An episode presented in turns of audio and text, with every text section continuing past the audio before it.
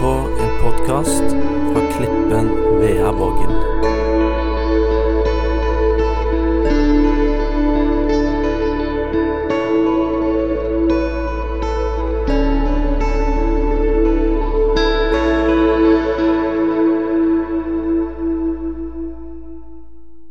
Men nå skal jeg bruke resten av min tid til det som brenner i mitt hjerte. Det er det å være relevant samtidig som man er åpen for Den hellige ånd. Altså Det er så lett for at det, det blir én av delene. Enten så satser man på å være 100% relevant, eller så glemmer man alt som har med hvordan vi kan kommunisere og bli bedre i, i, i vår kommunikasjon til verden og de vi skal møte. Og så er vi bare opptatt av Den hellige ånd. Altså, Det blir så fort enten-eller. Jeg tror den beste veien er ja takk til begge disse tingene. Både å være relevant og samtidig være åpen for Den hellige ånd. Og Da skal vi lese fra 1. Korinterne kapittel 2, vers 1-5. Og Jeg tror det er et bilde som vil komme opp på veggen. 1. Korinterne 2, vers 1-5. Og Da leser jeg det slik det står. Og da jeg kom til dere brødre, kom jeg ikke med mesterskap i tale eller visdom da jeg forkynte dere Guds vitnesbyrd. For jeg ville ikke vite av noe annet iblant dere uten Jesus Kristus og ham korsfestet. Jeg var hos dere i svakhet, under stor frykt og i beven. Og min tale og min forkynnelse var ikke med visdoms overtalende ord, men med ånds- og kraftsbevis, for at deres tro ikke skulle være grunnet på menneskelig visdom, men på Guds kraft. Her legger Paulus lista hvor han, hvordan han ønsket å være når han skulle være en forkynnende predikant for menigheten. Da var det én ting han var fokusert på. Budskapet det er Jesus Kristus og ham korsfestet. Og det er hva Herren og Hans kraft kan gjøre iblant oss, som er det viktigste når han stiller seg fram. Det er viktig at våre kirker er relevante. Paulus var veldig relevant. Det var En som spurte meg for to uker siden Sten, hva, hva mener du med relevant. Jo, Da sa jeg det bare på en enkel måte. Det er at de som vi skal snakke til i dag, forstår hva vi sier. Det var relevant. De skjønner at det, det, du sier, ja, det kan vi ta til oss, for det forstår vi. Det du sier, det har en mening. Da skjønner du hva relevant er. Det er at man taler på en slik måte at de ulike kulturer kan forstå det. Paulus var veldig relevant. Du har sikkert hørt om den berømte talen som han hadde til Aropagos i Apostlenes gjerninger, kapittel 17. Der, der kom han, og så ser han, Det ser ut som at den dagen så hadde han litt godt med tid, så han var tidlig ute. Og så ser han den voldsomme aktiviteten som er på torget der. Og så ser han Plutselig så får han et skilt hvor det står 'For en ukjent Gud'. Og så ser du at Paulus han bygger en bro mellom det som skjer der på torget, og det budskapet som han har. Han kunne vært negativ. Og et av de ordene som er blitt negative i dag, som ikke var negativt når Paulus bruker det her Ofte kan vi si at ja, han er bare religiøs, han. Og så kan vi bruke religiøs på en negativ måte. at Da har vi plassert folk ja, da er det bare folk som er bare opptatt av visse ting. De er bare religiøse. Paulus han bruker det som et ja-ord. han. Vet han sier? Jeg ser at dere er religiøse mennesker. Så istedenfor å kappe av, så bygger han en bro. Og så sier han jeg ser jo at dere er interessert i de tingene som også jeg er interessert i. Da har han de med en gang. ikke sant? Snakker du sammen, så kan du få en åpning. Men snakker du imot, da blir bare avstanden større og større. Og Så sier han at dere må jo være veldig interessert, sa han. For når jeg ser hva dere legger for dagen, når jeg betrakter det som skjer her Bare les i Apostelens gjerninger kapittel 17. Men så bruker han det da bevisst. Dere følger og dyrker en gud som ikke dere kjenner. Men så sier han, 'Vet du hva? Han kjenner jeg.' Han som dere på en måte har et litt fjernt bilde av og forhold til, Han kjenner jeg personlig, og vet du hva han sier? Han er ikke langt unna en eneste av dere, for i ham vi lever og beveger oss og er til. Og så har Paulus med en gang en sterk kontakt med de som i utgangspunktet var langt unna han. Hvorfor det? da? Han møtte de på deres hjemmebane, og han var relevant. Paulus strakk seg langt for å møte mennesker. Bare les hva står i 1. Korinterne 9, vers 22. Da sier Paulus at for de svake er jeg svak. Hvorfor det, da? Jeg ønsker å vinne de. For den dårligste kommunikasjonen til å møte svake mennesker, det er å demonstrere sin egen styrke. Da blir det en stor kløft, ikke sant? Da blir du en verdensmester i forhold til de menneskene. Men Paulus han sier at overfor de svake så er jeg svak. Hvorfor det? da? For jeg ønsker å vinne de. Overfor de som er motsatt ende, de sterke, de som tror at de har alt på stell, ja, men der kan jeg også gå inn, fordi jeg ønsker å nå de med budskapet. Altså, Paulus han var i sannhet åpen for Den hellige ånd, og han var ikke opptatt av å bygge distanser, avstand. Han var opptatt av hvordan kan jeg nå dem med evangeliet. Alt gjør jeg for evangeliets skyld, sier han, for å vinne dem. Og Jeg vet ikke om noen jeg som har gått nesten så langt som Paulus. Det er nesten som han gikk irriterende langt.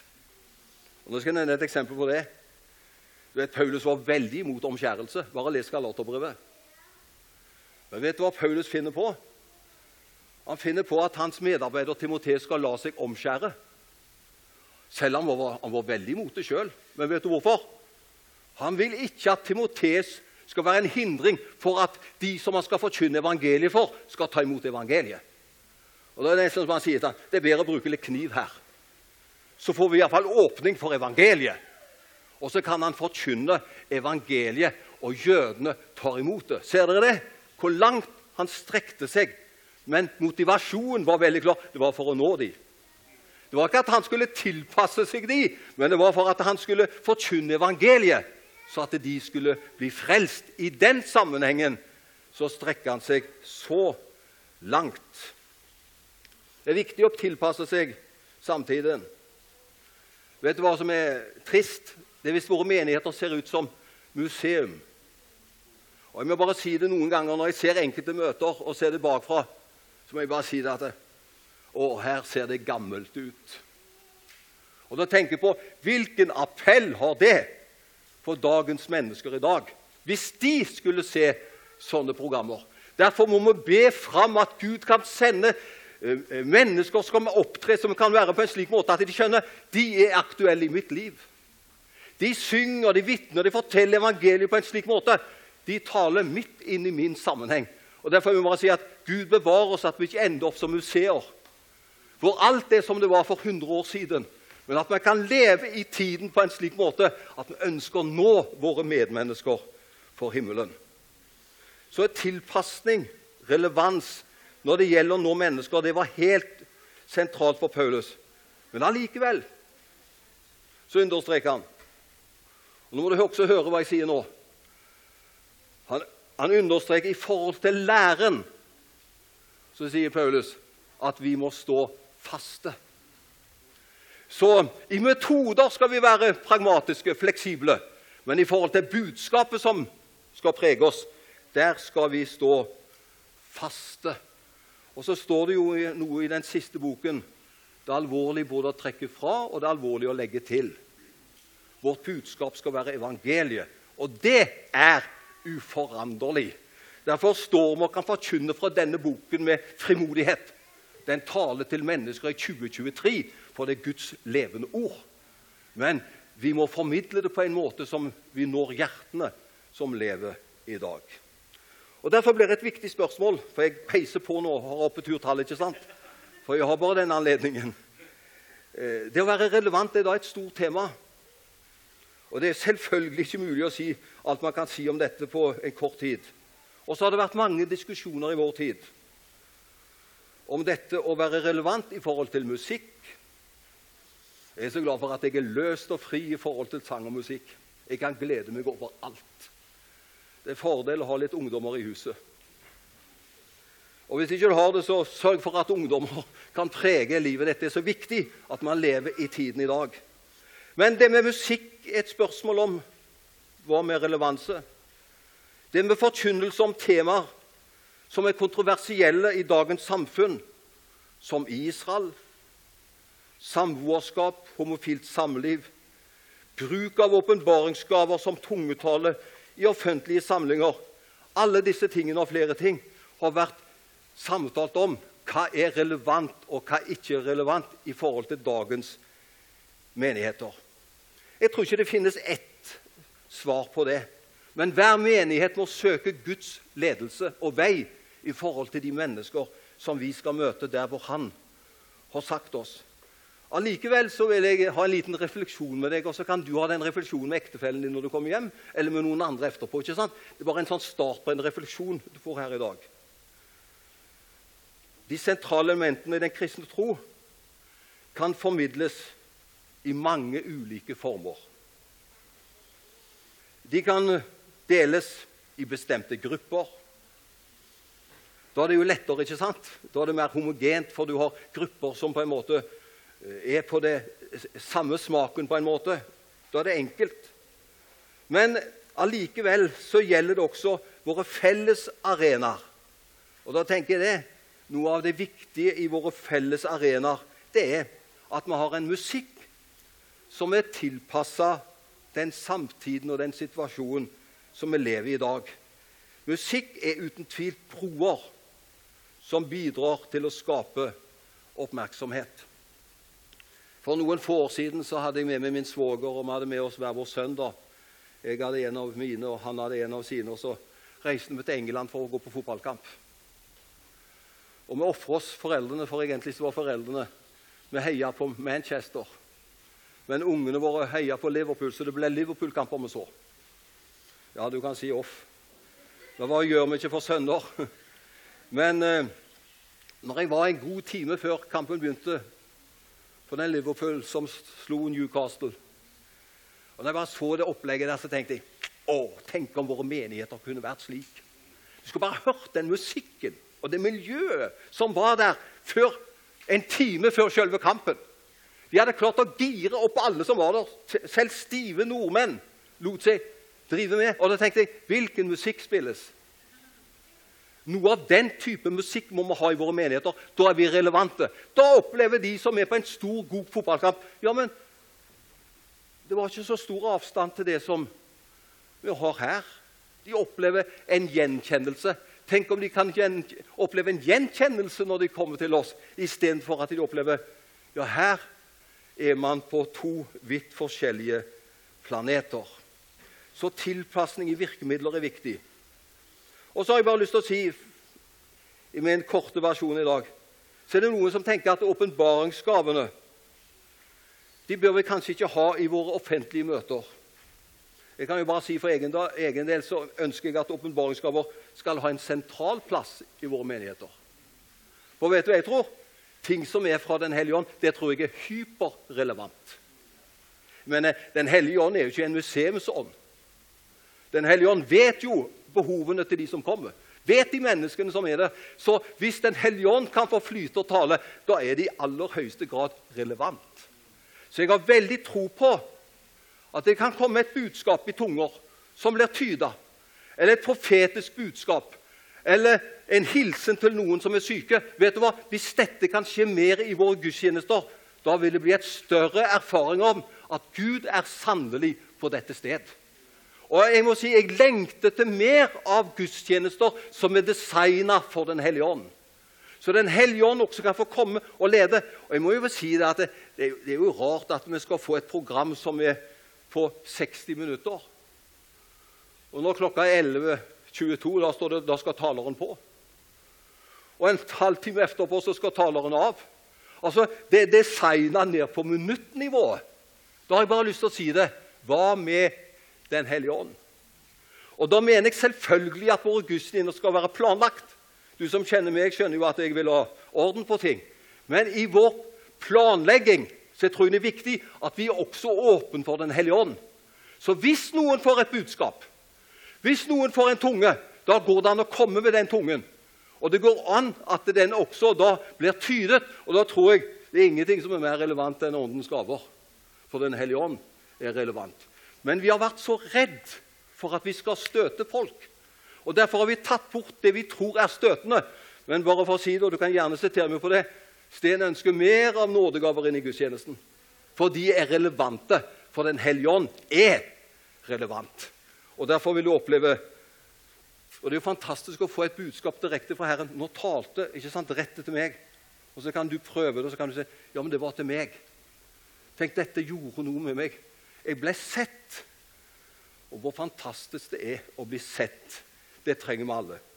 Og så må jeg bare si det at jeg har lest, levd så lenge i en charismatisk setting at jeg vet at det, det har også vært møter hvor det har vært nådegaver som vi gjerne godt kunne vært foruten. For de var ikke med å høyne møtet i det hele tatt. Og Da må vi være så ærlige at Eller er det bare den tydningen vedkommende har? For det er bare den tydningen han kommer med. Altså, Den hellige ånd er ikke så stereotypt, er det det? Den hellige ånd er frisk. Den hellige ånd er jo i bølgen i møtet. Og derfor, Hvis det er et budskap fra Herren, da vil det være med å løfte møtet. Og Hvis det ikke løfter møtet, kan vi stille spørsmål hva er da vitsen? Og Jeg har vært på en del møter hvor jeg har sagt til meg sjøl Hvorfor kom egentlig dette? Det gjorde jo ingenting i møtet. Det var bare noen som ble pressa til å ta en tydning, og da tok de det som de var kjent med sjøl, og som de hadde tyda mange ganger før. Jeg var på et fellesmøte i Lyngdal. Det syns jeg er imponerende. Og Der var det en som kom med et budskap. Og Da var det en av disse tydningene som alltid hadde den samme tydningen som tyda. Og Da reiser presten seg du, i Den norske kirke og Det var ikke en frikirke, men det var presten som reiste seg og sa jeg tror ikke den tydningen her var for Gud. sa han.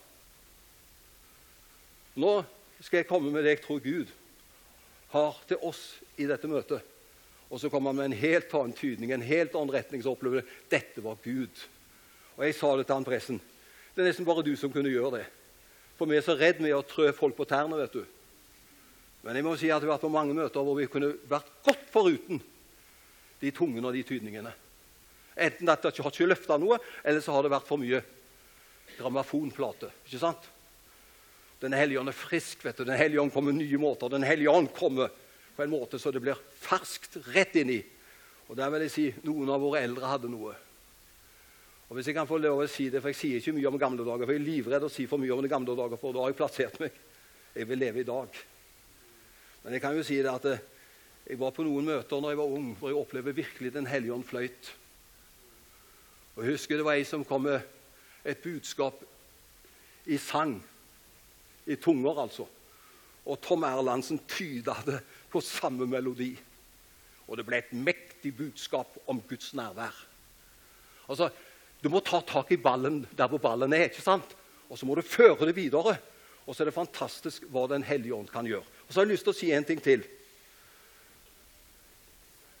Det er utrolig hva som kan skje når Den hellige ånd får virke i møtet.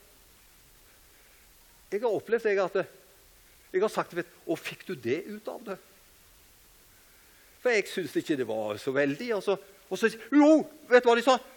Den hellige ånd talte direkte til meg når du sa det. Og det var nesten som Den hellige ånd hadde sin egen tale til vedkommende. Og det er det som er så fint med Den hellige ånd. Eh, du får liksom en, en tråd og så utvikler den tråden seg videre akkurat for deg, så det blir en tale som blir designa akkurat til deg. Og Derfor er det så spennende at vi kan være åpne for Den hellige ånd. Bare for å være litt inne på de kontroversielle temaene. Jeg er livredd hvis vi som menighet ikke kan ta opp kontroversielle temaer. For da vet jeg til slutt hvem som fôrer oss med de kontroversielle temaene. Det blir VG. Ikke sant? Det blir denne verden, da, som forteller hva vi skal mene. Hvis ikke vi har noen meninger om det i vår forsamling. Og Derfor er det så viktig at vi kjenner Bibelen, og at vi står på de bibelske verdiene. Og der må vi være trygge. Der må vi være frimodige. For det er noen som har sagt at ja, det får Den hellige ånd ta opp med hver enkelt. Jeg tror ikke det er så enkelt. Det må også være en forkynnelse. Det må også være noe som menigheten står for. Det skaper trygghet. Men vi må gjøre det med respekt. Vi må gjøre det med kjærlighet og vi gjør det på en god måte. Men jeg regner jo med at uh, de frie venner på VEA har et syn på de og de og de tingene. Men hvis ikke vi har et syn på det da, da kan de si Har de lukka igjen Bibelen, da? Og selvfølgelig har vi ikke det. Men det er bare viktig at vi gjør det i kjærlighet. Jeg har tro på en menighet jeg, som reiser seg i dag i frimodighet under Den hellige ånds kraft, men også under Den hellige ånds klokskap. Og Der høres det med at vi også snakker om vanskelige, kontroversielle temaer. For hvis ikke vi gjør det, så gir man arenaen til andre. Og de vet å benytte seg av det. Og så håper jeg at våre gudstjenester Det er alltid spennende, men at alltid den som leder gudstjenesten, kan ha det innebygd. Vil Den hellige ånd gjøre noe ekstra i dag, så er vi åpne for det. Ikke sant? Da er vi åpne for det. Vi kjører ikke et skjema, vet du. Men vi er åpne for et samarbeid. Og så blir det spennende hva Den hellige ånd vil gjøre iblant oss. Jeg kan bare si, Det blir ikke kjedelig når Den hellige ånd får lede. Da blir det spennende, da blir det utfordrende. Men det er ikke mange som går regelmessig til Guds hus lenger. 3-4% av Norges befolkning går regelmessig til gudstjeneste. Og da er regelmessig Du må gå én søndag i måneden. Så da skjønner du hvor lista er lavt. Hvor får de sin påvirkning hvis de ikke kommer på gudstjenesten? Og hvis ikke det forkynnes Guds ord attpåtil i gudstjenesten, hva sitter en da igjen med? Men jeg vil bare si det, for jeg vil dunke det fast. Jeg tror det går an å være relevant og samtidig åpen for Den hellige ånd og Den hellige ånds ledelse. Og Jeg vil bare ønske dere frimodighet. Vær Vær stolt av det dere tror på, og hva vi står på. Ikke sant? Det må være en tid nå hvor vi er stolte for at den tradisjonen vi står i, den setter vi høyt. og vi får en, være en del av. Og jeg må si Det var kjempefint. Jeg ble stolt på menighetens vegne når jeg hører det 223. Hos oss kaller vi det for konfirmanter. Jeg håper ikke det blir et minus. Men vi kaller det for det, for det er et ord alle forstår. Så får det, får det være tentro. Jeg tror om ti år så kaller, kaller dere det for konfirmanter. Men det er en annen sak. Men eh, Kall det gjerne for tentro. Men du skjønner hva jeg mener? Det er jo fantastisk at 23 stykker kan gå her. For en stolthet, for en glede. Men la oss putte inn det vi, tro, vi tror på. Og så får de oppleve Dette hører de ikke andre steder, men de får høre det her. Men så får de høre det i kjærlighet, i godhet og alt som er med å løfte opp.